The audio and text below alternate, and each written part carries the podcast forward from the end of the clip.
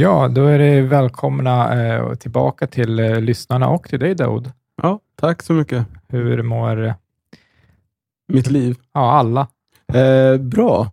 De mår bra. Eh, fått lite rutin nu, både i hemmet och på mitt arbete.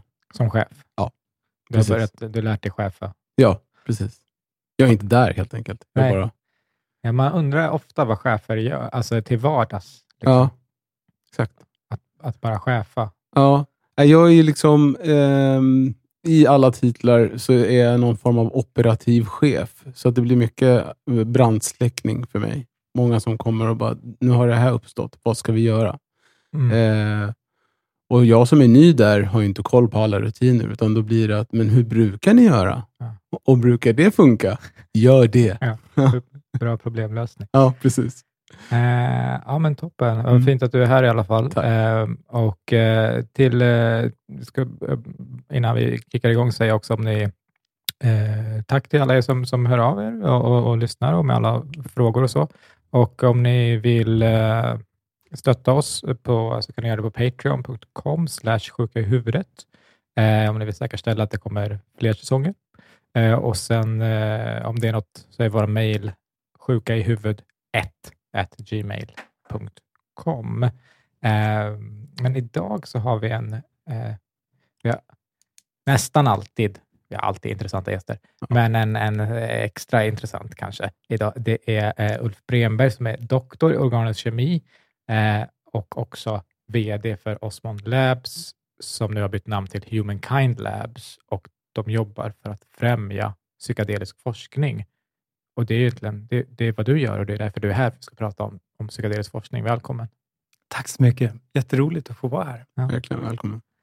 Eh, och du, du nämnde också, du har också en roll på Uppsala universitet kopplad till psykedelisk forskning där du, där du gör knark. psykedelika. Du gör Ja. psykedelika.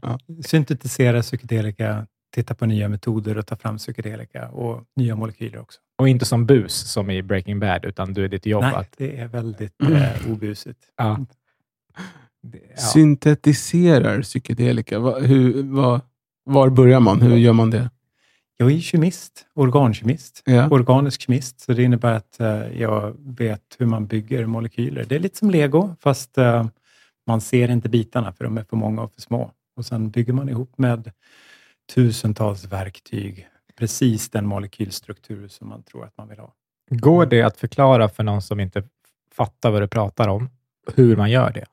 Ja, det var den enkla modellen, Ja. att det är som ett lego, fast man behöver tusentals verktyg för att bygga ihop den. Men Är det man sen- dator eller är det med händerna? Det är ehm, i, oftast i glaskolvar, Ja. alltså glaskärl, så blandar man olika saker. Och Det ryker och det är olika färger och det blir varmt. och Det händer saker, Mm. kemiska reaktioner. Och Det gäller att förstå hur man ska driva de kemiska reaktionerna så att man omvandlar det man börjar med till det man vill ha. Ofta behövs det flera steg. Och så kanske man behöver rena på vägen. Är, du, är det så att du är, är, är säker när du gör en, vad det kommer att bli? Är det som typ matte? Nej, testar man sig fram? Det här är mer en konst än eh, vetenskap Okej. fortfarande, trots att organisk kemi är liksom, ja, 200 år i alla fall.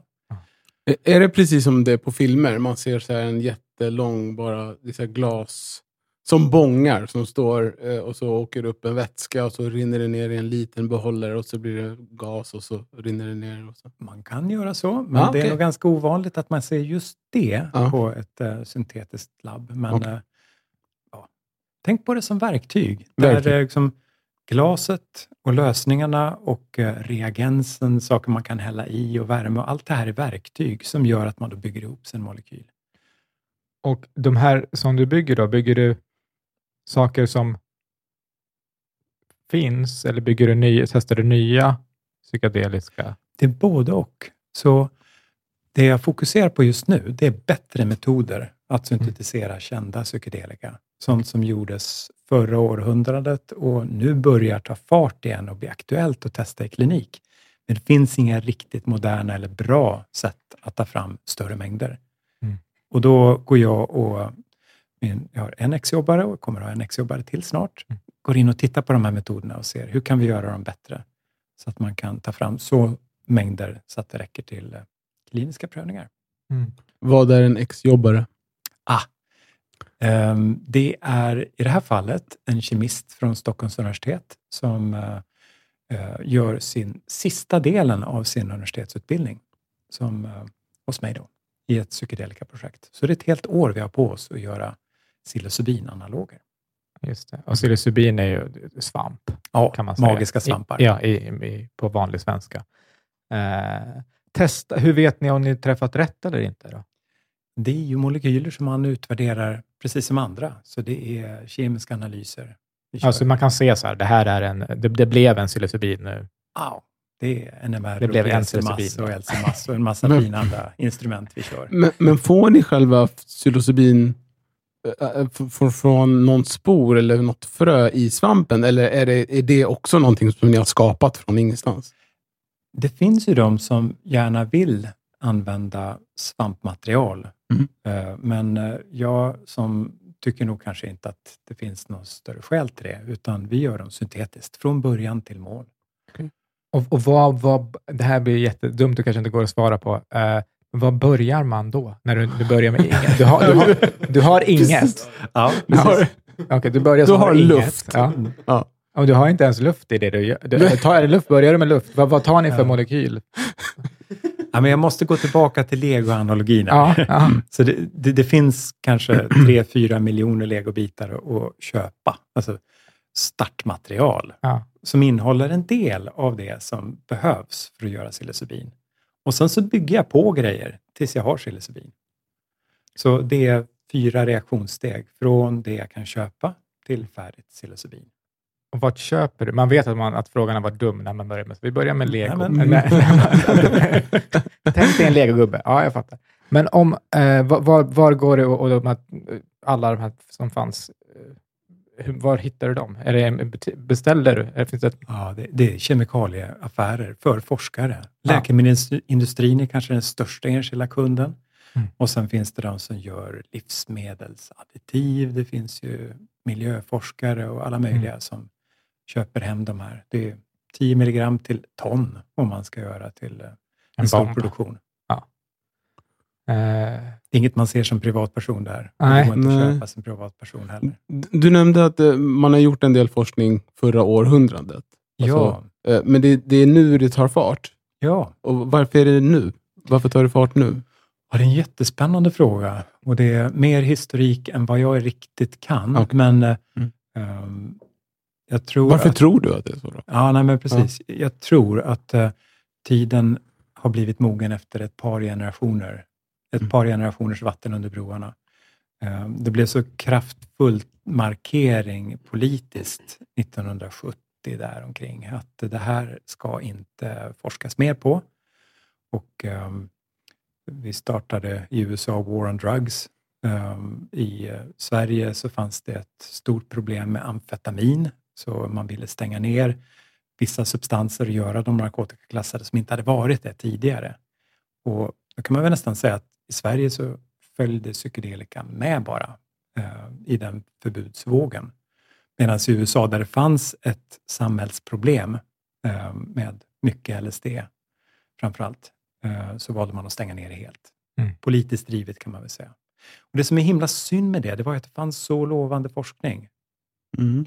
mot, mot, eller för vad då? Vad tänker man att det ska Mm. hjälpa mm, mot? Eh, det som kanske var mest imponerande resultat förra århundradet, det var att hjälpa alkoholister att bli fria från eh, sitt beroende. Mm. Men det fanns också massor med forskning på allt ifrån depression till ehm, Rökavvänjning också. rökavvänjning. Och sen gjorde man saker som man kanske inte skulle våga göra idag med schizofreni och bipolära. Och det var, när man idag försöker samla, nu är det deprimerade patienter som man forskar på, så var det lite mera de patienter som råkade kunna kanske komma i närheten av ansvarig läkare Mm. som förra året blev testade med Mm. LSD. Så det var ju mycket mera divers då. Men de resultat som fanns var ändå otroligt lovande med, eh, med psykedelika och det stängdes ner över hela världen. Och det blev under flera decennier en karriärdödare för en forskare att jobba med psykedelika. Karriärdödare så att du inte fick anslag Mm. och eh, man eh, eh, fick veta på olika sätt Mm. att det här var inte lämpligt Mm. att forska på. Det var inte moget i tiden helt enkelt. Men det var väl inte det? Nej. Och sen var det en och annan som ändå hade sett någonting speciellt i de här substanserna i början på 70-talet. Kanske i början av sin karriär som 30 år senare började, men skulle vi inte kunna prova ändå Mm. och se om vi kan få tillstånd? För det här vore ju otroligt spännande att fortsätta med. Den första var Rick Strassman som fick igenom en eh, prövning med DMT. Eh, Och det var ju flera års jobb för honom att få tillstånden och kunna göra prövningen. Mm. Och sen några år senare så kom det en grupp som testade psilocybin och då på döende cancersjuka som var, mådde jättedåligt psykiskt för Mm. att de var döende. Alltså det var eh, på indikation då dödsångest eller? Ja, det, det är väl så man måste säga. Dödsångest. Mm. Ehm, existential distress, ehm, om man vill kalla det så. Mm. Det är inte så långt ifrån depression kanske, men alltså, de här psykiatriska diagnoserna Mm. är ganska Mm. svårfångade ibland. svårt, ja. Mm. Blev de eh, hjälpta, vet du det, i den? Ja, de här första studierna, ehm, den första publicerades 2006, då var det eh, överraskande många som sa saker som att det här var en av de mest meningsfulla upplevelserna som jag har varit med om i mitt liv, på Mm. samma nivå som att mitt första barn föddes. Mm. Ehm, många som rapporterade att deras ångest för att dö var helt som bortblåst och eh, att de kunde leva livet fullt ut varje dag. Och Det här är ju lite för bra för att vara sant, Mm, låter det nästan som. Så det måste man ju följa upp. Vad, vad är det här egentligen? Och det har följts upp med flera studier efter det och är fortfarande ett stort område, just den här i livets slutskede. Um, vänja sig vid tanken på att dö. I den här, vi hade en paneldebatt igår och då var den efter en film som just handlade om uh, Dosed 2, som handlade om en cancersjuk kvinna som hade fått tillstånd i Kanada att bli dosad med psilocybin. Och I paneldebatten efteråt så, så satt med Camilla, en sjukhuspräst som ju träffar döende varje dag på Karolinska. Och hon beskriver det som att det är många som inte tar itu med sin rädsla inför döden innan det nästan är för sent.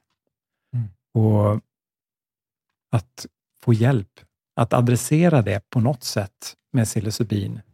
Det den historien, det är ju en person, men det var en väldigt stark historia. Mm.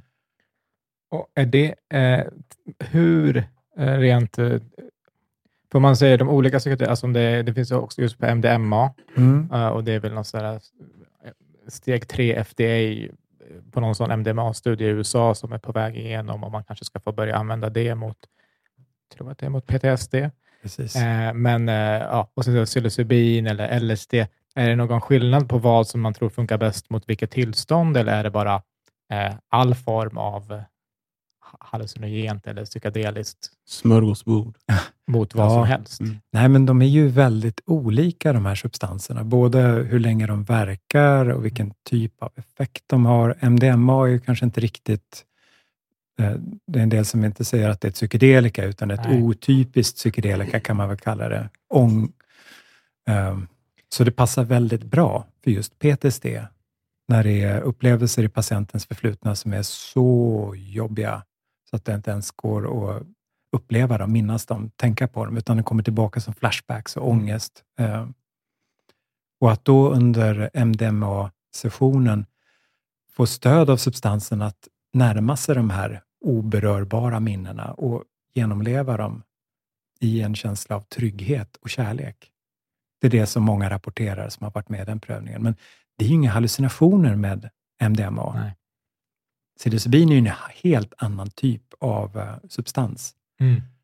där eh, det är otroligt stor spännvidd på vad patienterna rapporterar. Där MDMA är ganska samstämmiga. Här är det en känsla av eh, kärlek och ehm, att ingenting riktigt är farligt.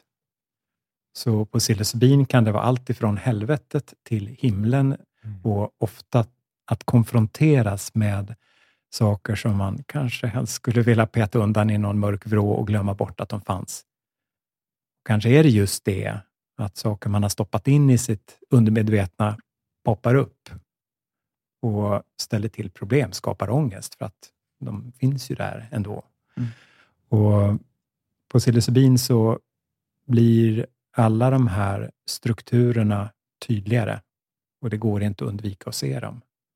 Så det kan vara väldigt ångestladdat också, men eh, i vågor, perioder under dossessionen också väldigt euforiskt, så det kan vara en Ingen session är någon annan lik, är väl det man kan säga med psilocybin. Det är, ja, Då får man hjälp att hantera den ångesten? Eller? precis. Ja. Och det är därför som eh, de kliniska prövningarna som görs med psilocybin, även med MDMA, det är alltid en eller två terapeuter där med patienten, Mm. som eh, kan hjälpa om det blir jobbigt, om det blir för mycket ångest, och eh, också se vad som händer och återknyta till det efter sessionen, när man då är nykter, Mm. och eh, gå igenom, men vad var det som hände? Hur upplevde du det där? Du sa det här, vad menade du? Vad upplevde du då? Och återknyta det till patientens liv. För någonstans ska det ju här vara en katalytisk, omvälvande upplevelse som möjliggör nya mönster. Mm. Det är det som är någon form av lös mekanism hur det här funkar. Just det, det kan inte bara vara så att det funkar när du är hög, Precis. för då blir det inte så användbart. Syftet är ju att ge en stark, potentiellt läkande upplevelse som man sedan tar med sig slutsatserna ifrån, lärdomarna av nya mönster ifrån Mm. In i livet varje dag. Mm. Och Det finns ju eh, en studie som nu publicerades för ett år sedan ungefär, där man har gjort långtidsuppföljning, fyra och ett halvt år efter en dos. Mm. Och man ser fortfarande tydliga effekter. Mm. Så det är Var långt det, var det, minns du om det var depression eller ångest? Eller det var just eh, dödsrelaterad Dödsfall. ångest Mm. och psilocybin hos cancersjuka. Mm. Det var inte alla patienter som levde fyra och ett halvt år efteråt, men de som levde följde man upp och såg en väldigt tydlig effekt fortfarande. Men har de haft, då, jag tror att du har nämnt någonstans integreringsterapi. Är det, Ja. är det det du syftar på? Den här terapin som sker efter dossessionen, Ja. den brukar kallas integreringsterapi, Ja. som syftar då till att ta det man har sett eller förstått eller lärt sig under dossessionen och på något vis omvandla det till någonting som man kan göra varje dag. Och hur länge löper den då? Ja, Det ser lite olika ut. Okej. Ehm, med MDMA så är det tre dossessioner med tre integreringssessioner mellan varje dossession. Så det är ganska Ja, omfattande. det är omfattande. Nio integreringssessioner. Då. Med psilocybin så ser det oftare ut att det är eh, kanske tre eh, integreringssessioner efter en dos. Och, och, vad- och vad, hur skiljer sig de här, alltså själva protokollet till hur man samtalar med patienten, hur skiljer sig det mellan psilocybin och MDMA gentemot eh, säg, samtalsterapi? Ja, exempelvis? det här är en jättebra fråga.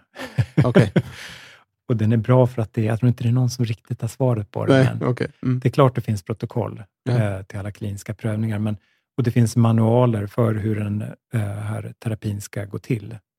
Och reservation för att jag är kemist, inte psykolog, Mm. men utifrån det jag förstår eh, så är det ju inte så mycket terapi som pågår under själva dossessionen, utan då är det mer stöd för patienten i en kanske jättejobbig upplevelse. Mm.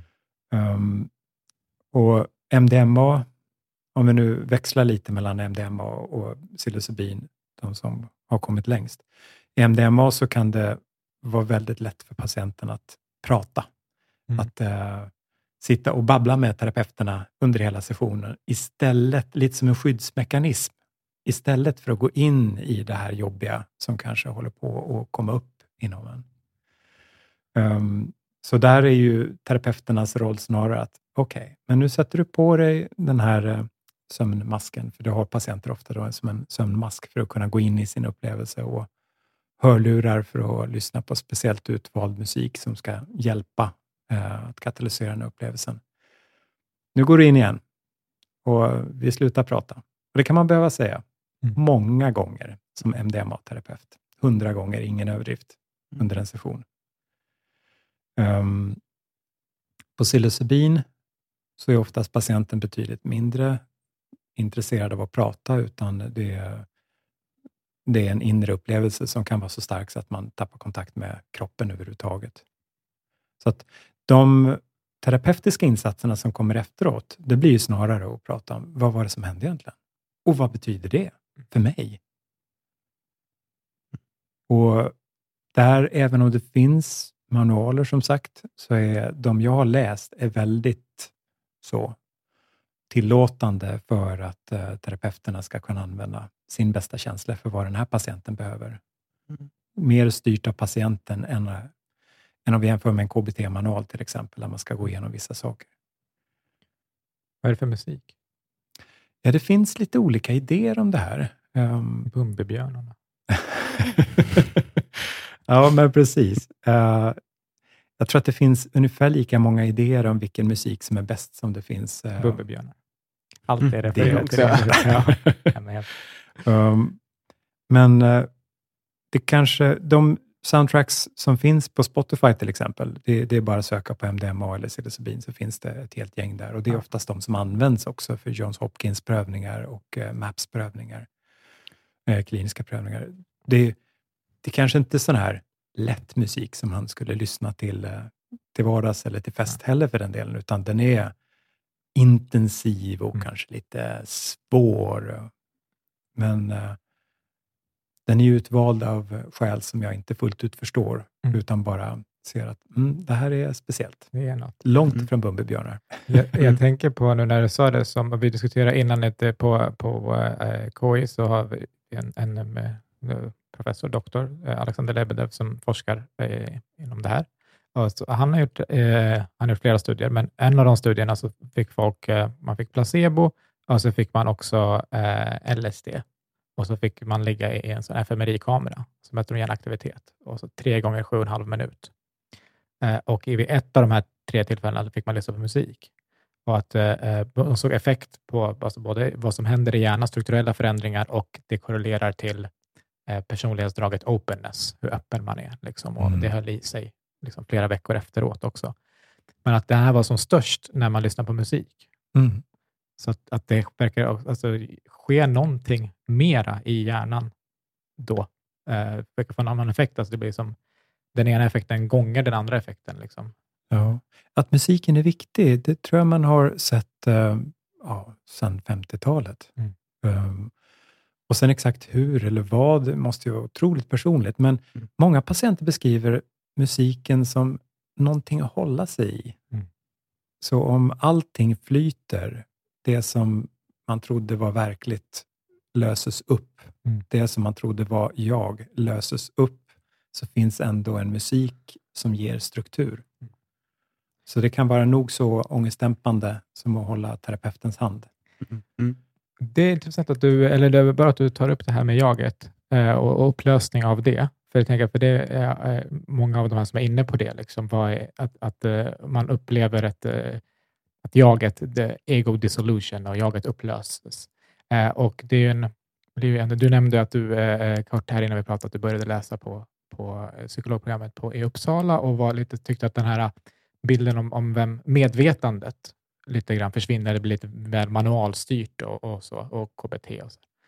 Men det blir ju här, då blir det liksom, man kan nästan se kemiskt, eller vad man ska säga, biologiskt, var, var jaget uppstår, eller man verkar försöka, försöka få svar på den frågan i alla fall. Var kommer medvetandet ifrån, blir det ju. Var kommer jaget ifrån? Att, att, eh, för jag, så jag har sett i vissa studier att så här, ja, men om det blir mindre aktivitet mellan hjärnhalvorna till exempel, eller mellan den här hjärnregionen och den hjärnregionen, då, och Salience Network går neråt, och- som är så här, det, det som lägger fokus på viktiga stimuli, Mm. då verkar känslan av jaget upplösas. Och då får man kanske också ett svar i förlängningen på så här, aha, det är där inom citationstecken jag, känslan av jag sitter. Det känns också som att det vore en otrolig upptäckt att hitta så här, här är människans medvetande, eller vad man ska säga. Ja, de här bilderna från fMRI-studier där man avbildar hjärnan är ju ehm, slående och inspirerande. Och Och just den här visionen om att kunna se, aha, det är där medvetandet finns, det är där jaget finns. Det, är, det är en vacker dröm. Ja. Vet inte om man riktigt är på rätt väg om man tänker så. Eh, det här är bara min intuition nu, Mm. men ehm, utifrån det jag har läst om FMRI, och det här skulle ju Alexander kunna säga mycket bättre förstås, men det är ju eh, så komplexa mönster som hjärnan ägnar sig åt hela tiden. Och man kan ju se vissa övergripande saker som där Salience Network och Default Mode Network och hur det påverkas av psykedelika. Um, man kan mäta vad som händer under en sån här ego dissolution. Mm. Um, där, jaget, där man inte längre finns till som individ. Um, 5-metoxy-DMT är en annan substans, psykedelisk substans som är under utvärdering för depression just nu i kliniska prövningar. Det är kanske ännu lite mer effektivt att ge ego dissolution till Mm. patienter ofta. Vad hette den sa du? Det gick lite fort.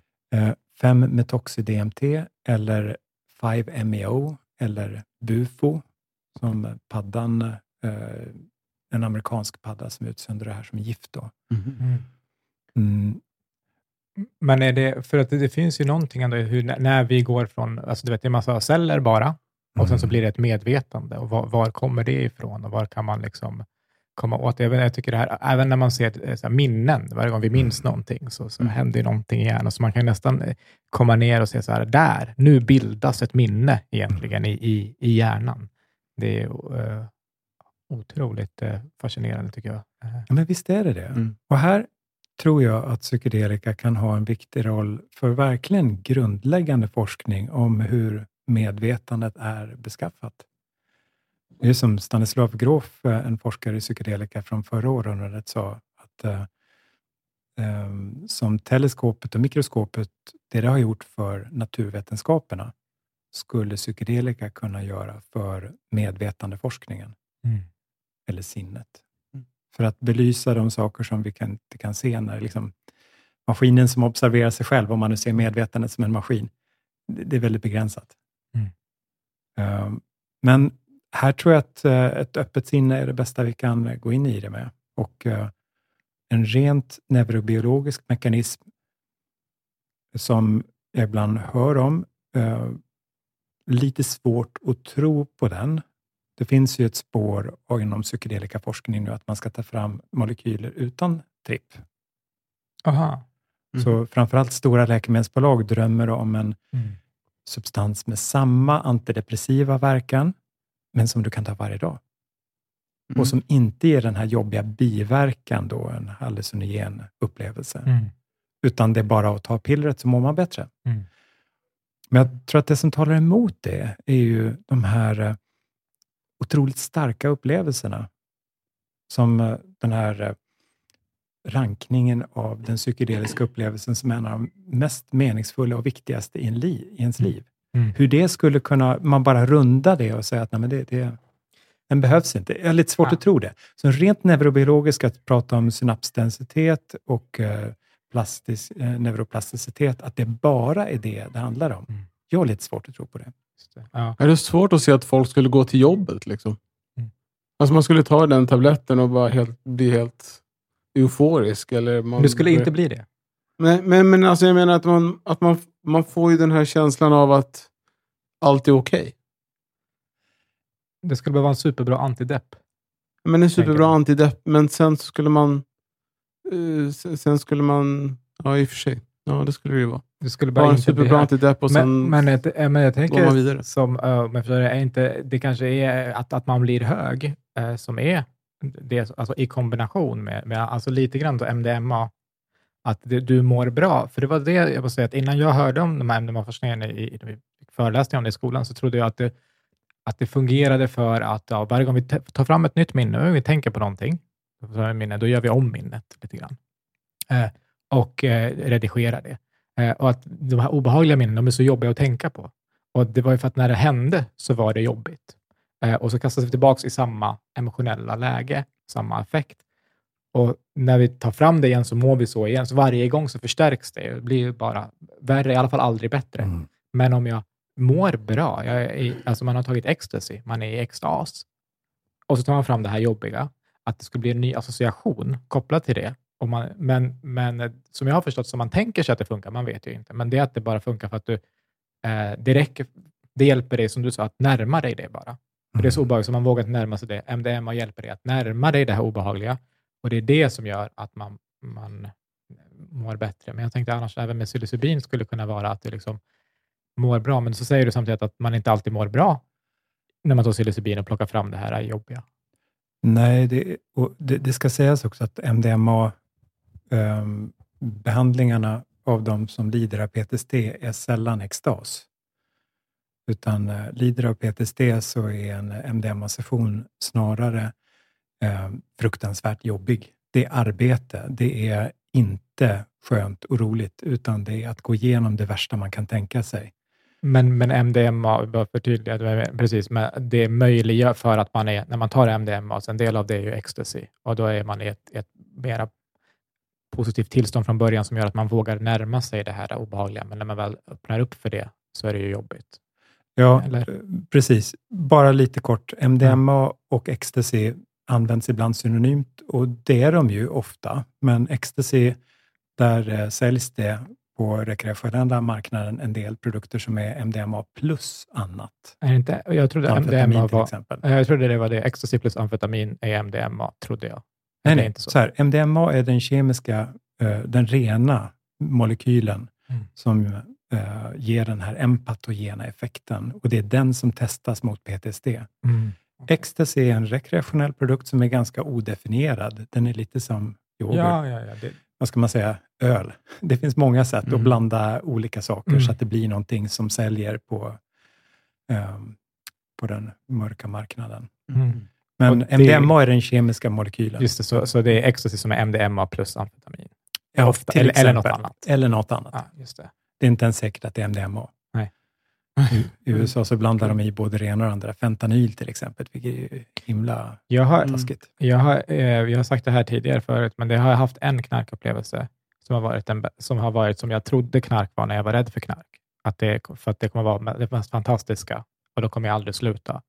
Eh, och sen så var det inte så, men sen så tog jag en gång och fick veta i efterhand att det var eh, i, eh, ecstasy laced med LSD.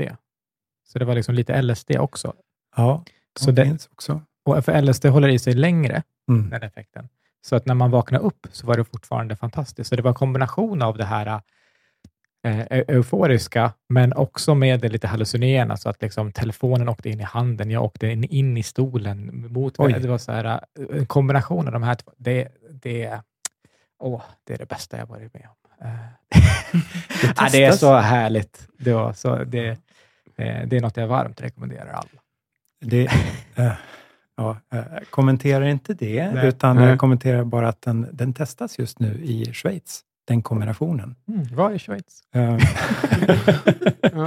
Men problemet med LSD för en del Mm. är att den eh, inducerar så mycket ångest, så att det blir jättejobbigt. Hur? Varför? Jag, för jag fattar inte. Så den är ju lite som en eh, roulette sådär. Ibland Mm. så kan den ge en väldigt euforisk upplevelse och ibland kan den ge en jättejobbig upplevelse. Det finns inget sätt att pålitligt eh, få den att bara bli det ena eller det andra. Ja, det, det är ganska Vet lätt man att varför? Det är en del forskning som pågår runt det, Mm. men det finns inga slutsatser riktigt än. Men kombon med MDMA får ner ångestnivåerna. Mm. Så, och där gäller det att synka det här lite då, så att de hamnar rätt i tiden. Så jag tror att den kliniska prövningen, då gör man LSD först och när den börjar rulla igång så ger man MDMA. Mm. Det är ett bo, även ett bolag, Mindmed, som eh, stöttar den prövningen. Så att funkar det, då kan det komma ut på marknaden som depressionsbehandling. Mm. Kanske. Vi får se. Men varför är psilocybin så framgångsrikt då, om man jämför dem med, med MDMA och LSD och där det liksom kan slå fel, verkar det som. Ja, men visst är det lite Ja. intressant. Ja. För psilocybin är ju lite som LSD. Det är ju inte LSD, men den, är, den, är, den har en liknande profil. Om man jämför eh, MDMA, psilocybin och LSD så är psilocybin mycket närmare varandra, både klassiska psykedelika, farmakologiskt och upplevelsebaserat. Ehm, och det mesta förra århundradet gjordes ju på LSD. Det, Sandoz tryckte ut, um, läkemedelsbolaget Sandoz tryckte ut eh, LSD till eh, alla kvalificerade forskare som ville göra och kanske en del som inte var så kvalificerade Mm. också. Mm. Um, och Det bidrog ju till att LSD fick ett ganska dåligt namn um, i många kretsar. Så psilocybin, svampbaserat, naturligt, inte lika behäftat med den här historiken, men ändå liknande effekt. Och fördelen, den varar bara i 4 till 6 timmar, Mm. medan LSD kanske 10 till 16 timmar. Mm. Så om man tänker sig en, eh, en dag för terapeuterna på jobbet, Mm. så är det snudd på omöjligt att klämma in en LSD-behandling Mm. i, utan två skift. Mm. Men psilocybin går utmärkt. Mm. Och hur fungerar de olika då? Alltså på kemisk nivå? Eh, Påverkar de olika hjärnområden eller Mm. strukturer? Eller? De har ju lite olika receptorprofiler. Mm. Båda slår hårt på 5-HT2A, den serotoninreceptor som är förknippad med den eh, psykedeliska effekten. Eh, men sen slår LSD en del på dopaminerga receptorer också och den, eh, eh, den är lite bredare kan man säga. Serotonin på sin sida slår inte så lite på 5-HT2B som finns i hjärtat. Och det kanske är att tänka på bland alla de som ivrar för mikrodosning, som man tar Mm. Mm. länge. Mm. Att det är inte säkert att det är så bra för hjärtat.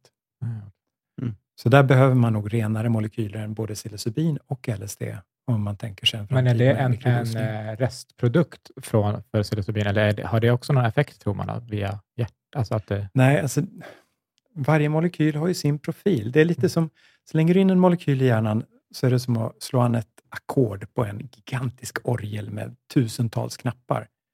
Och molekylen trycker lite på alla. Mm. Bara fjäderlätt på vissa knappar och tungt och hårt på andra. Och psilocybin och LSD är ju lika, att de trycker hårt på 5-HT2A-knappen serotonin. serotonin. Mm. Och sen trycker de lite så här halvhårt på flera serotoninerga receptorer. LSD trycker lite i dopaminregistret och serotonin lite på andra ställen. Men det är ett ackord.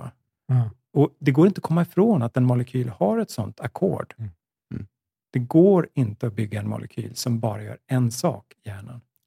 Skulle det gå i framtiden? Alltså, eller det, Nej. det är inte Nej, möjligt så nej. som de är uppbyggda? Nej. Vi är för biologiska, för mjuka och luddiga kanterna. Ja.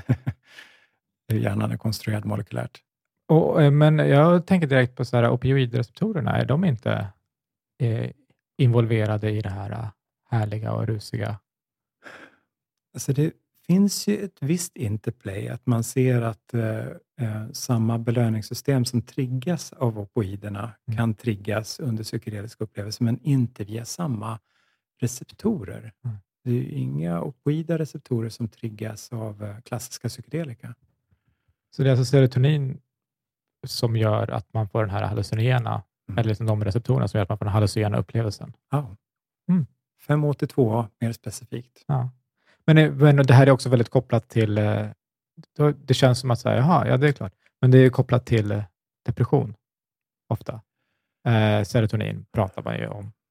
Ja, och Alltså- då bygger vi in i det här narrativet som har funnits nu under en, några decennier om antidepressiva och SSRIs, som säger att eh, depression är en obalans i serotoninsystemet. Den, den teorin är ju eh, sedan några år tillbaka rätt tydligt att den inte håller.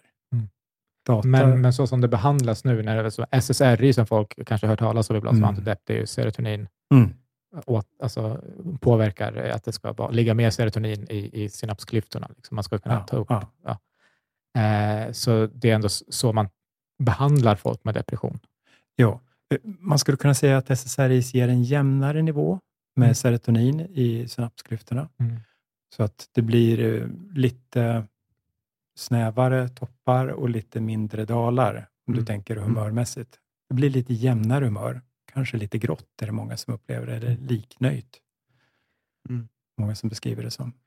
Men jag tänker, är inte det där ett, ett stöd för att det är involverat i depression? Om det är så att eh, psilocybin som verkar fungera mot depression Jo. sätter sig på, på, påverkar de eh, receptorerna och eh, man behandlar annars Mm. depression med att behandla de receptorerna. Det som gör att jag sitter och skruvar på mig lite grann nu, det Ja. är att det, det, det risk att vi hamnar i en rent neurobiologisk förklaring av vad depression är. Mm. Men en sak som verkar vara väldigt tydlig i den litteratur jag följer, det är ju att ehm, depression är väldigt heterogen. Det finns lika många eh, sätt att vara deprimerad på som patienter. Mm. Och det, eh, det, det hindrar inte att en metod kan funka för många olika patienter. Nej.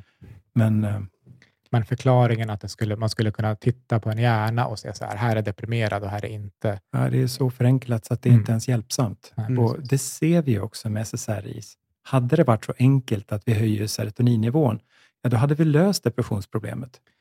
Det är Men snarare det, tvärtom, va? att vi skriver ut mer och mer SSRI och folk, fler Ja. och fler eh, blir behandlade för depression. det är ju 10 procent som fick SSRIs i Sverige förra året. Eh, Mm. Ja, för, för depression.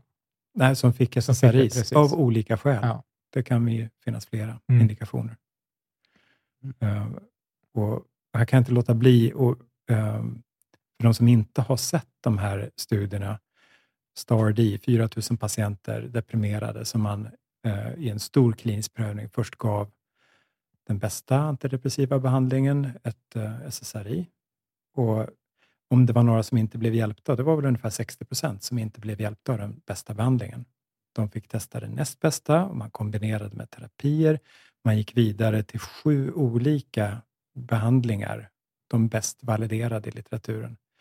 Och även här, de patienter som hade gått igenom sju olika behandlingar, ni kan förstå, det är flera månader Mm. att testa en behandling. Det är ett par års Mm. behandlingsresa. Även då så är det 40 procent som har kvar sin depression efter det. Så det behövs något bättre. Mm. Och Det är därför den här hoppet runt psykedelika är så stort i depression. Ja, jag, och sen måste jag bara slänga jag tror också att det är en, väldigt många som blandar ihop depression eh, med eh, att alltså en person är deprimerad och att omständigheterna är deprimerande. Och om omständigheterna är deprimerande, personen kan fortfarande ha en depression, jag menar inte att de har fel, men det är en naturlig reaktion på sin miljö. Att om man, ett extremt exempel, men om du är i ett koncentrationsläger, liksom, eller kanske om du lever i krig eller har förlorat alla du tycker om, så är det en rimlig reaktion att ha en depression. Det är inte sjukligt. Eh, Det är omgiv- man måste ändra saker i omgivningen och så länge de inte ändras så kommer man inte att lösa Du kan ge hur mycket SSRI eller terapi som helst, liksom. men om du är i en relation du mår dåligt av eller hela tiden går till ett jobb som du mår dåligt av och så där åtta Mm. timmar, tio timmar varje dag. eh, Det, det räcker inte att du sen går och pratar med någon en timme i veckan eller tar en tablett.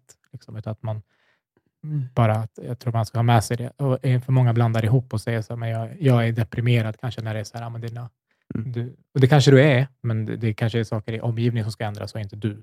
Liksom. Nej. Eh, eh, det här är kanske bara min åsikt, men jag, jag håller helt med om att eh, ta ett piller är inte lösningen. Däremot så kan det ju underlätta för patienten att Mm, visst. ändra på det som behöver ändras i Mm. livet. Absolut. Och I bästa fall så får ju folk SSRI mot depression och terapi, Mm. så att de får hjälp att ändra. Mm. Psykedelika så kommer det på överskådlig tid att vara en behandling och terapi. Jag tror inte det är någon som kommer att våga ge bara Nej, bara piller. ge en svamp och sen... Här, ta den här Ja, en gång i veckan så blir det Mm. bra, ska du se. Mm. Nej, jag Okej. tror inte det kommer hända. Va? Men är tanken då att man ska fortsätta, alltså, eh, tror du för framtiden av det här, så att det, det, det går bra eh, och det blir en, liksom, validerat och godkänt av alla eh, myndigheter, så får man, går man liksom så här en, två, tre gånger, typ som elektro, elchocksterapi, och sen så är det, är det klart, eh, eller kommer man att behöva, ja, hur kommer det se ut tror du? Så de prövningar som har kommit längst, det är ju bolaget Compass Pathways med psilocybin och depression. Ehm, De har precis släppt designen för sin fas 3, som Mm. för övrigt kommer rulla här i Sverige. Det är Mm. två prövningar och den ena kommer rulla här i Sverige med fem sites. Och där, I den ena fas 3 så ger man en behandling och det är bra sen, tror man. Får man se hur Mm. länge det verkar. Mm. Månader är nog den bästa gissningen. Mm. Kanske inte i många år, men att man ska kunna upprepa den några gånger per år, inte mer än så. I den andra prövningen så ger man två doser med några veckor emellan. Men det är den typen att ge en kur. Mm. Så lite som ECT, Mm. men otroligt mycket som skiljer ECT. Såklart. Ja, men vad är inklusionskriterierna då för att vara med i den här studien? I Liksom? den prövningen som kommer nu, Ja. fas 3, Compass Pathways, det är eh, behandlingsresistent depression. Mm. Så man måste vara deprimerad som patient och ha prövat, eh, jag tror det är ett par antidepressiva och inte fått hjälp av dem. Mm. Samsjuklighet. Mm, man ska inte ha någon anlag för schizofreni, inte haft några psykotiska episoder och eh, inte lida av någon bipolär sjukdom. Missbruk. Um, där vet jag inte hur det kommer att se ut, Mm. men uh, det, det kommer säkert finnas begränsningar där också. Mm. Det Jag är tänker på alkohol mest. Liksom, Ja. det är väl det som ska vi säga, normalt bruk har jag svårt att tänka mig att man exkluderar. Och bara för, att förtydliga, du säger fas 3, eller vi säger ibland och sådär, hur många Mm. faser är det? Det handlar om att få en, en metod godkänd. Ja. Så fas 1, det är ju en eh, substans som kanske aldrig har varit i människa förut. Mm. Man tar friska frivilliga, ser hur mår de, vi ökar dosen tills de inte mår bra. Mm. Det är som man gör, för att se vilken dosnivå som är eh, tolererad. Och det är bara säkerhetsmässigt på friska frivilliga. Mm. Fas 2, då är det sjuka. Och det är den första gången man testar har en effekt mot den här sjukdomen. Och så hittar man rätt dos för de patienterna. Fas 3, då jämför man med det bästa som finns mot den sjukdomen idag. Mm. Och det är större grupper av patienter och de datan från fas 3 är det man sen skickar in till Läkemedelsverket och säger att titta, nu funkar det. Mm. Nu vill vi börja sälja den här. Just det. Och det här fick världen vara med om ganska öppet och tydligt med covid-vaccinet. Exakt. Ja, det är ett bra exempel, även om den var extrem. För där byggde man ihop fas 1, 2, 3 i en enda prövning Mm. utan några gränser emellan. Det var, ja, jag har aldrig sett något liknande. Nej. Mm. Bråttom. Ja, Det var. Precis. Eh, men, och, du kanske har svarat på det, men hur tänker man sig att, eller har du en uppfattning av hur det, det eh, fungerar då? Liksom? Det sätter sig på serotonin och slår an på lite olika receptorer i hjärnan. Jag är ledsen, jag är deprimerad, jag går, eh, går eh, jag har en sensation, jag tar psilocybin, jag, får en, jag blir hög, jag blir onykter eh, och eh, jag börjar tänka och ihop med en terapeut så pratar jag om det som jag tycker är jobb. Men det låter ju som, förlåt, som trauma, men för depression kan ju vara, det kanske inte är något särskilt som är jobbigt när man är deprimerad. Det kanske bara är, du vet, eh, livet suger, det finns ingen mening. Tar man fram, eh, sitter man bara och, och, ser vad som kommer eller hur? Mm. Det finns ju inget eh, svar som eh, jag tror fältet skulle enas om i det där, utan det finns lite förklaringsmodeller. En är den neurobiologiska. Vi hjälper hjärnan att bilda nya nervceller, nya synapser. Eh, kanske inte så mycket nervceller, men nya synapser Mm. och plasticitet. Och det är säkert bra. Men den bästa förklaringen jag har, förlåt, den är ganska psykodynamisk, Ja. men så är det. Mm. Eh, det är allt det där som patienten bär på från livet. Och det kan vara traumarelaterat. Det kan vara saker som man har mönster som är dysfunktionella. Mm. Som man väljer att eh, stoppa in i en mörk vrå och helst inte ve- vilja veta av. Men som finns där ändå och skapar en dissonans inom en som gör att man känner sig sänkt. Det tar energi hela tiden av att upprätthålla den här, nej, ni ska in i den mörka vrån Mm. hela tiden. Och på psykedelika så då kommer allt där upp som eh, badankor som man försöker hålla ner under Mm. vattnet. Bara pop. Jaha, nu måste jag nog titta på den här i alla fall. Och den mod- förklaringsmodellen är då att det är ganska läkande. Det kan vara otroligt läkande att titta på de här sakerna som man inte vill se. Att det Mm. finns ett skäl till att man har puttat in dem i det undermedvetna. Och eh, att jobba med det skälet och kanske omvärdera det. Och Fast det hjälper till, hjälper till acceptans kanske, lite enkelt förklarat. Eller? Eller att man blir i alla fall vägledd till att, till att acceptera det som finns. Acceptans är ju en jätteviktig eh, eh, del av det här, men jag ska inte säga att psykedelika hjälper till med det. Om jag läser eh, de berättelser som finns från patienter i psilocybinprövningar, så är ju det som är jobbigt är ju när de inte accepterar. Och Det är inte Mm. så att psilocybinet hjälper till med det på något sätt, utan det bara trycker upp det jobbiga ansiktet på en. Och sen kommer man till den punkten att man, okej, jag ger upp. Jag släpper. Jag låter det här vara. Jag, visst, det är så. Ja, då kan euforin komma.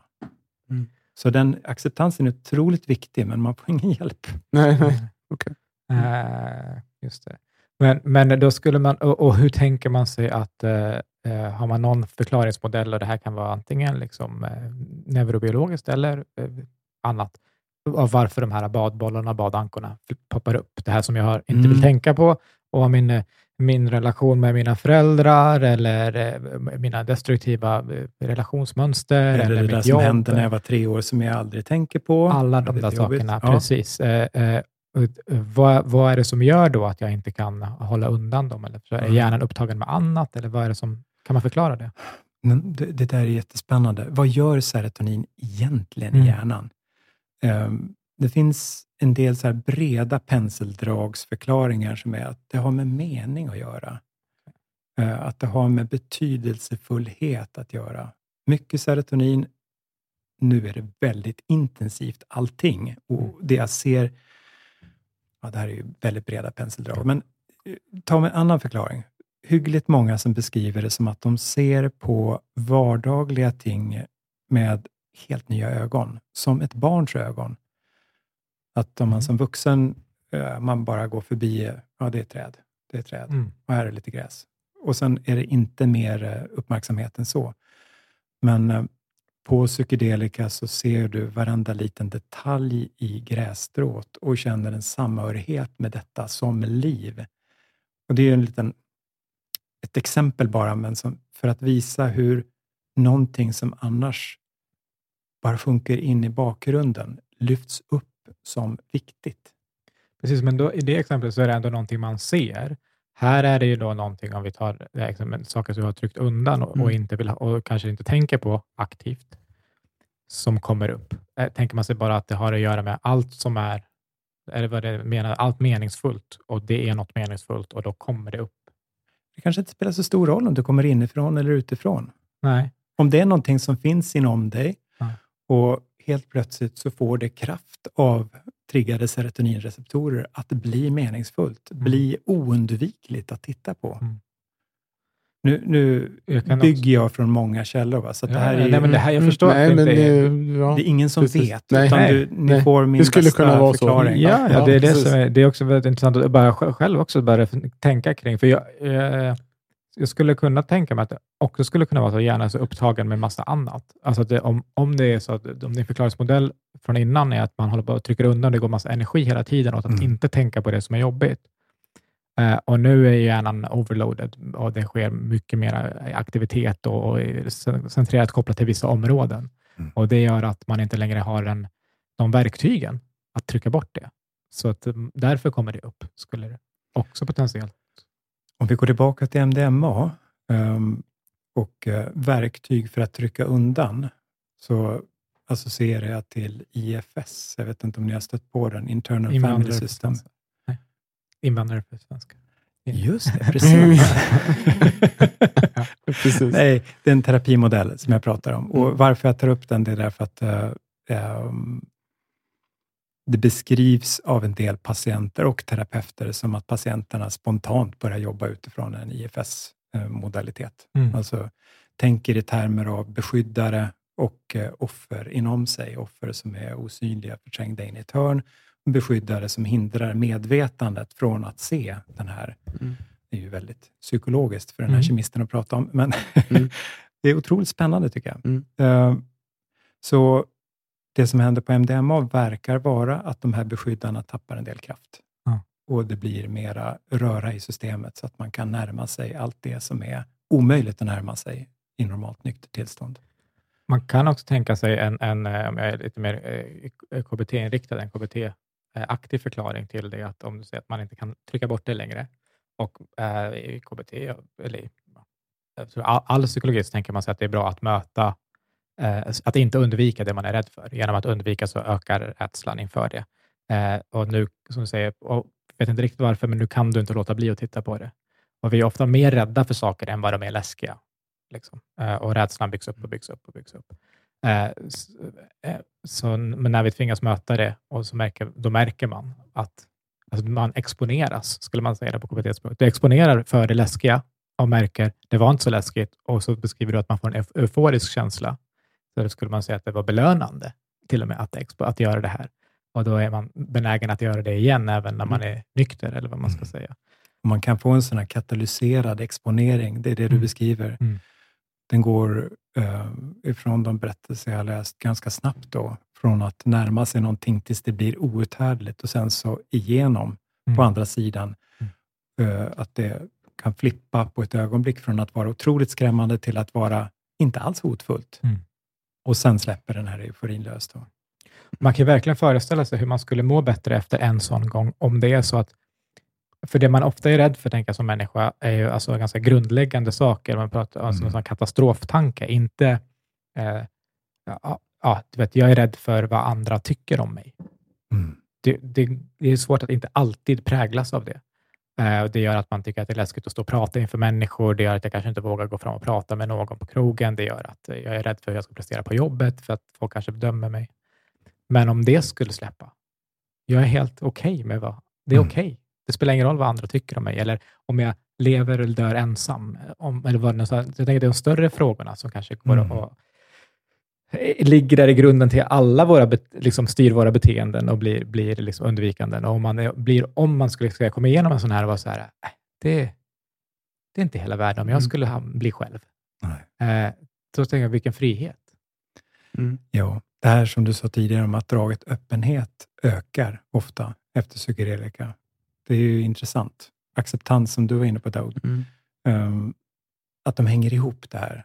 Att när du kommer förbi motståndet och kommer till acceptans av det som tidigare var omöjligt, då ter sig kanske världen mindre hotfull. Mm. Allt det som är okänt kanske inte behöver vara farligt. Mm. Ehm, ja, det är breda penseldrag igen, Nej, men men, någonstans här börjar vi närma oss någonting tror jag, Ja, som ja, skulle kunna vara möjligt att testa. Och Det är det som är, tror jag, otroligt viktigt att följa upp med som akademisk forskning. Jag, menar, jag har pratat rätt mycket om vad industrin gör, vad Compass Pathways gör och vad MAPS gör för att få ut det här som läkemedelsbehandlingar. Och det, det är jätteviktigt och bra. Om det hjälper folk så ska det ut, access. Men vi måste ju förstå hur de funkar, så gott vi kan i alla fall. Mm. Om inte annat för att lära oss använda dem på bästa sätt. Och vad är, eh, om du skulle leka djävulens advokat då, vad är det dåliga med det här? Eller vad är det värsta? Eller vad är problemet? För att eh, de flesta, de, de kritiska sakerna jag kan tänka mig, tycker jag är trams, som är så här, ja men du vet, det är knark eller, ja, som du sa, kommer från rädsla av liksom på 70, 80 och 90-talet av Mm. dr- krig mot droger. Men finns det någon relevant Finns det någon fara för som säger man kan ju må väldigt dåligt av de här tripparna? Finns det någon som är så här, att det här är ändå viktigt att ha i, Mm. i åtanke? Nej, att det är knark, som sagt, det, det, det är inte relevant, för det finns ju så mycket narkotika som används i vården med god nytta och bra kontroll Ja. idag. Det här skulle bli ett till. Men faktiska fallgropar, ja, vi har nog inte sett dem riktigt än. Ehm, det finns en rädsla för ökad suicidalitet. Mm. Ehm, Det och kan man är föreställa sig. Ja. Mm. Det är någonting som följs väldigt noga av Läkemedelsverket, ehm, både i USA och Europa, under de här prövningarna. Mm. MAPs senaste prövning, då hade de mera suicidalitet i placebogruppen, Mm. i PTSD. Mm. Det är ju en ganska riskgrupp på det sättet. Mm. Ehm, Det är, Och man det är kan- mörkt. ja, det är mörkt va? Det är Alltså ge, ge placebo till PTSD. Ja, visst och- är det mörkt. Mm. Så det är klart att det har funnits mycket förhoppningar och sen så känner man att jag fick placebo. De är övertygade om att de får placebo och Ja. sen eh, blir det liksom vet de, det som de vet om att de har placebo. över. Nej, det vet de ju inte. För jag Men tänker de det är tror- nästan ännu värre om man inte tror det.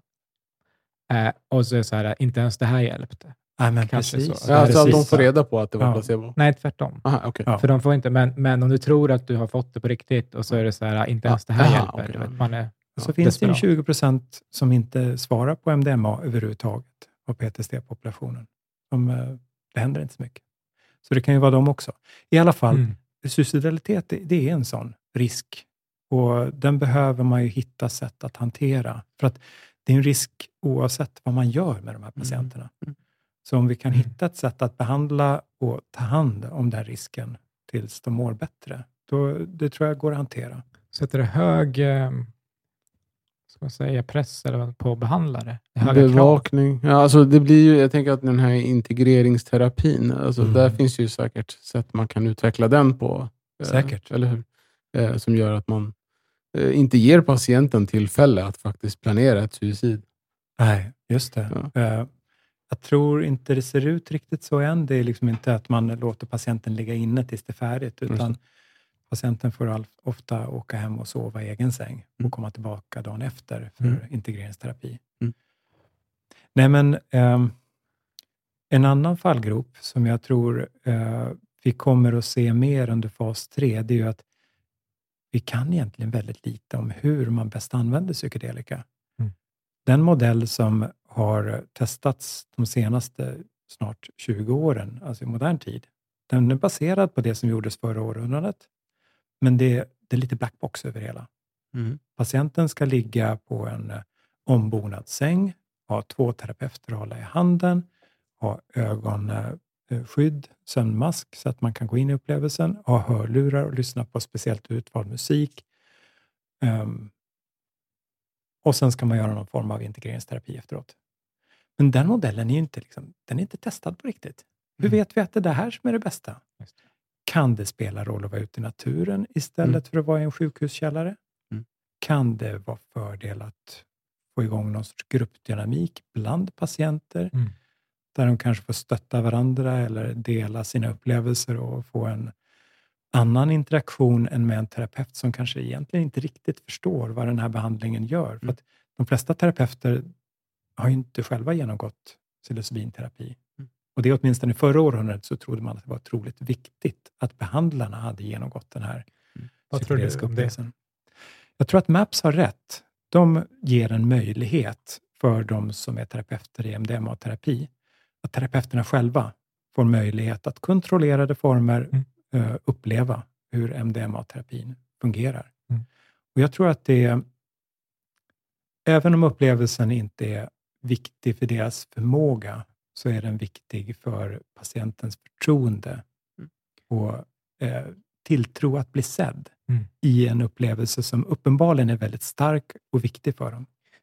Jag tror, eller generellt så jobbar man eller vi får lära oss mycket, att man, får, man, ska prova sj- själv mycket, om en beteendeförändring eller vad som helst. Mm. Prova och så får man se, bara för att det också det underlättar med empati och förståelse och fatta Mm. hur svårt det är att, att göra någonting. För det är inte alltid som patienter kommer att prata med en om något de tycker är svårt, att man själv tycker att det är, just den saken är svår.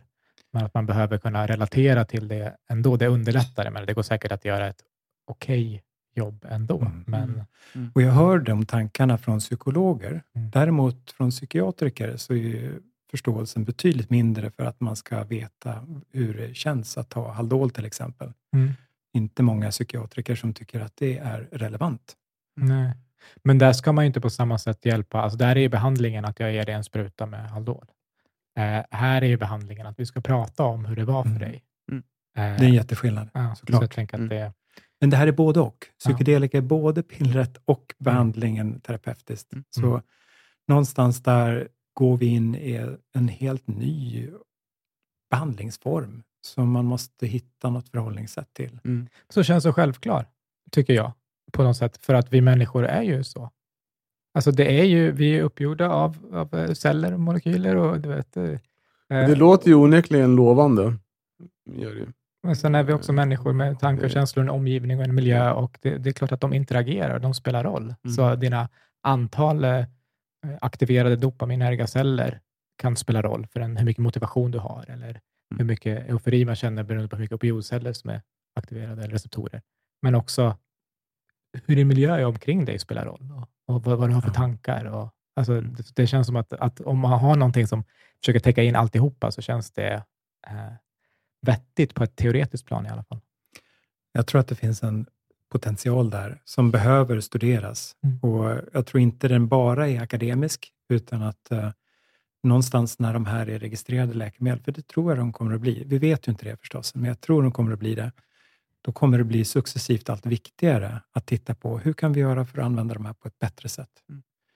Och det är det som bolaget jag, jag driver med Fredrik eh, Loiret, Humankind Labs, att eh, få igång studier redan nu som börjar titta på set and setting, som det börjar kallas. Så att eh, man ser vad, vad, hur mycket roll spelar det? Gruppdynamik eller natur som exempel. Mm. Hur viktig är musiken? När tror du att det kommer kunna komma? Då? Så att du tror att det kommer komma ut läkemedel? Är det, pratar vi om fem år, om 15 år? Nej, men MDMA, um, det är, ska hända ganska konstiga saker om det inte kommer ut 2024. Mm. Och med konstiga saker, då menar jag uh, mer än ett eller ett par självmord i behandlingsgruppen, mer än i placebogruppen. Just det. Och det är en konservativ, eh, det händer ju alltid saker va, med tidsplaner, men det är en ganska konservativ tidsplan. Så att i USA registrerat 2024 MDMA för PTSD. Och vad, vad innebär det för ett, Sverige och två, även i USA? Kommer man kunna gå till en läkare och få det utskrivet eller kommer det vara några få? Liksom, vet, vet du? Det kommer bara att vara de eh, kliniker som har terapeuter som är tränade att ge MDMA-terapi. Mm. Och MAPS jobbar just nu på att utbilda alla dem. Mm. De har en mål att kunna behandla tu- en miljon patienter på tio år. Mm. Vi får se om de lyckas. Och så licensansökan. Ja, precis. I Sverige skulle det bli en licensansökan, men jag tror att Läkemedelsverket kommer att vara ganska restriktiva med den Mm. Om man inte kan visa att man har erfarenhet av MDMA-terapi. Så det krävs ju att någon börjar och gör en klinisk prövning i Sverige med MDMA för att få den erfarenheten. Mm. Läkaren ringer till Läkemedelsverket bara. bara lyssna, jag har tagit MDMA själv. Kan jag få den här licensen bara? Ja. Jag tror inte det kommer att hålla. Däremot så det hade varit eh, en... Bara speed up the process. Liksom. Ja, men precis. Mm. Ja, det, det, det som behövs en klinisk prövning. Mm. minst. Mm. Och det är MDMA. Psilocybin, där är det ju lite längre fram, men eh, min bästa gissning nu är 2026. Mm. Och då är det Compass Pathways. Och då är det också USA Och Europa. och Europa. Där MDMA går bara i USA än så länge. Mm. De har planer för Europa, men det kommer först i USA. Så är psilocybin och Compass Pathways i Europa och eh, USA parallellt. Mm. Den risk som finns där, det är ju att eh, investerarna bakom Compass tröttnar och att Mm. de inte får pengar att göra färdigt jobbet. Mm. Det finns väl några som följer efter, men det är ingen som har liknande pengar som Compass idag. Det. Så även om jag skulle önska att det vore en non-profit som låg bakom psilocybin, Mm. så jag hejar på Compass. För Ja. Jag tror att de gör någonting som är viktigt. Ja, det är ju en... eh, Det, det, det, är inte alltid nödvändigtvis så. Många har bilden av att eh, pengar är lika med ondska. Alltså bara för att det kommer, finns ett ekonomiskt intresse eller eh, nå- någon som har investerat pengar så behöver det vara eh, nå, nå, eh, något annat, någon baktanke. Utan det kan ju fortfarande ha gynning för båda. Alltså man kan tjäna mycket pengar på att hjälpa många människor.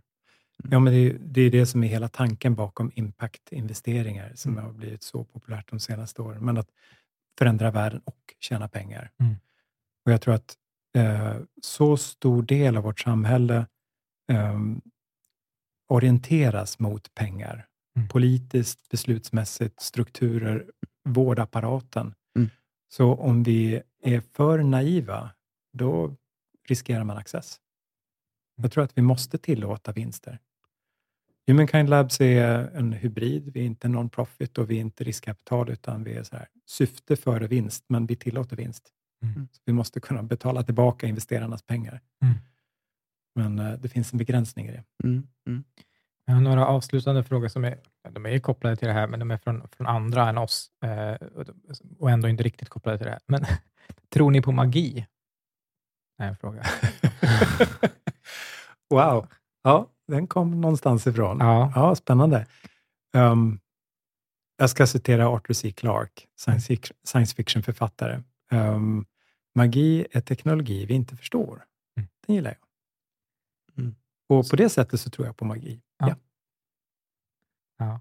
Ja, det är i så fall samma här, eh, säger jag. Jag har inget, eh, inget bättre svar. Jag tror, annars så vill jag säga nej, jag tror inte på, på magi. Eh, men, men eh, utifrån det också, så här, det är saker vi inte förstår än. Mm. Så, Ja.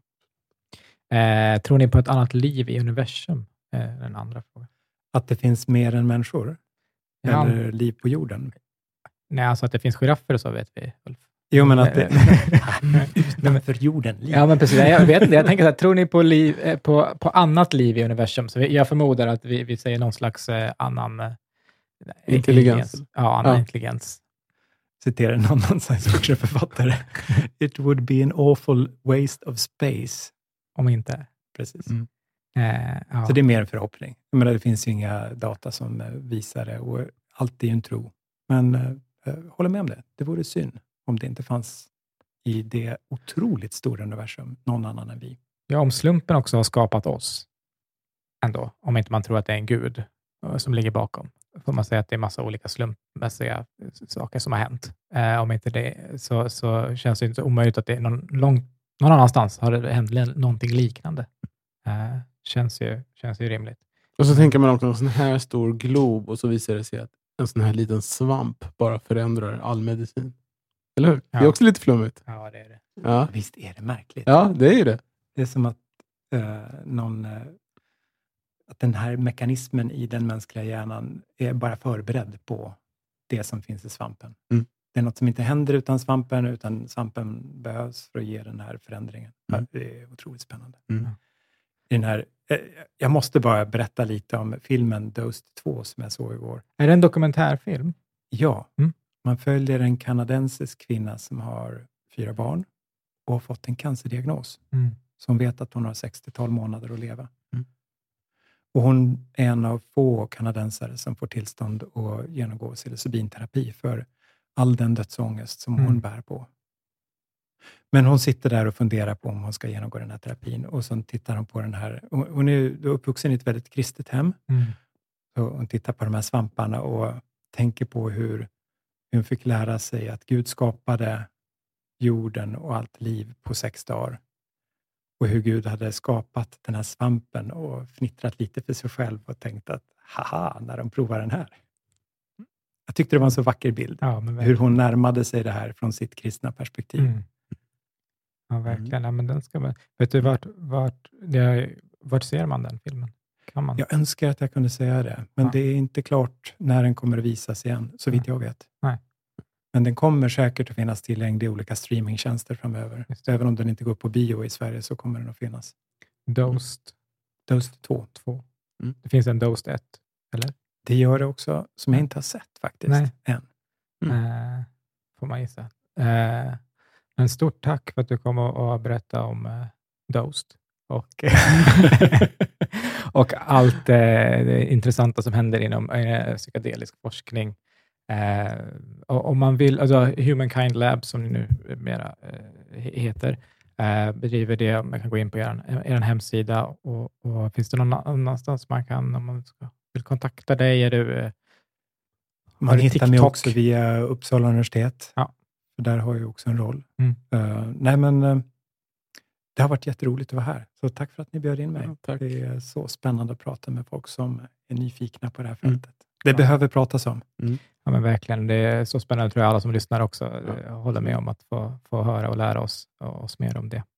Eh, tack till alla som, eh, som har varit med idag. Vi hörs igen nästa vecka. Tack och hej.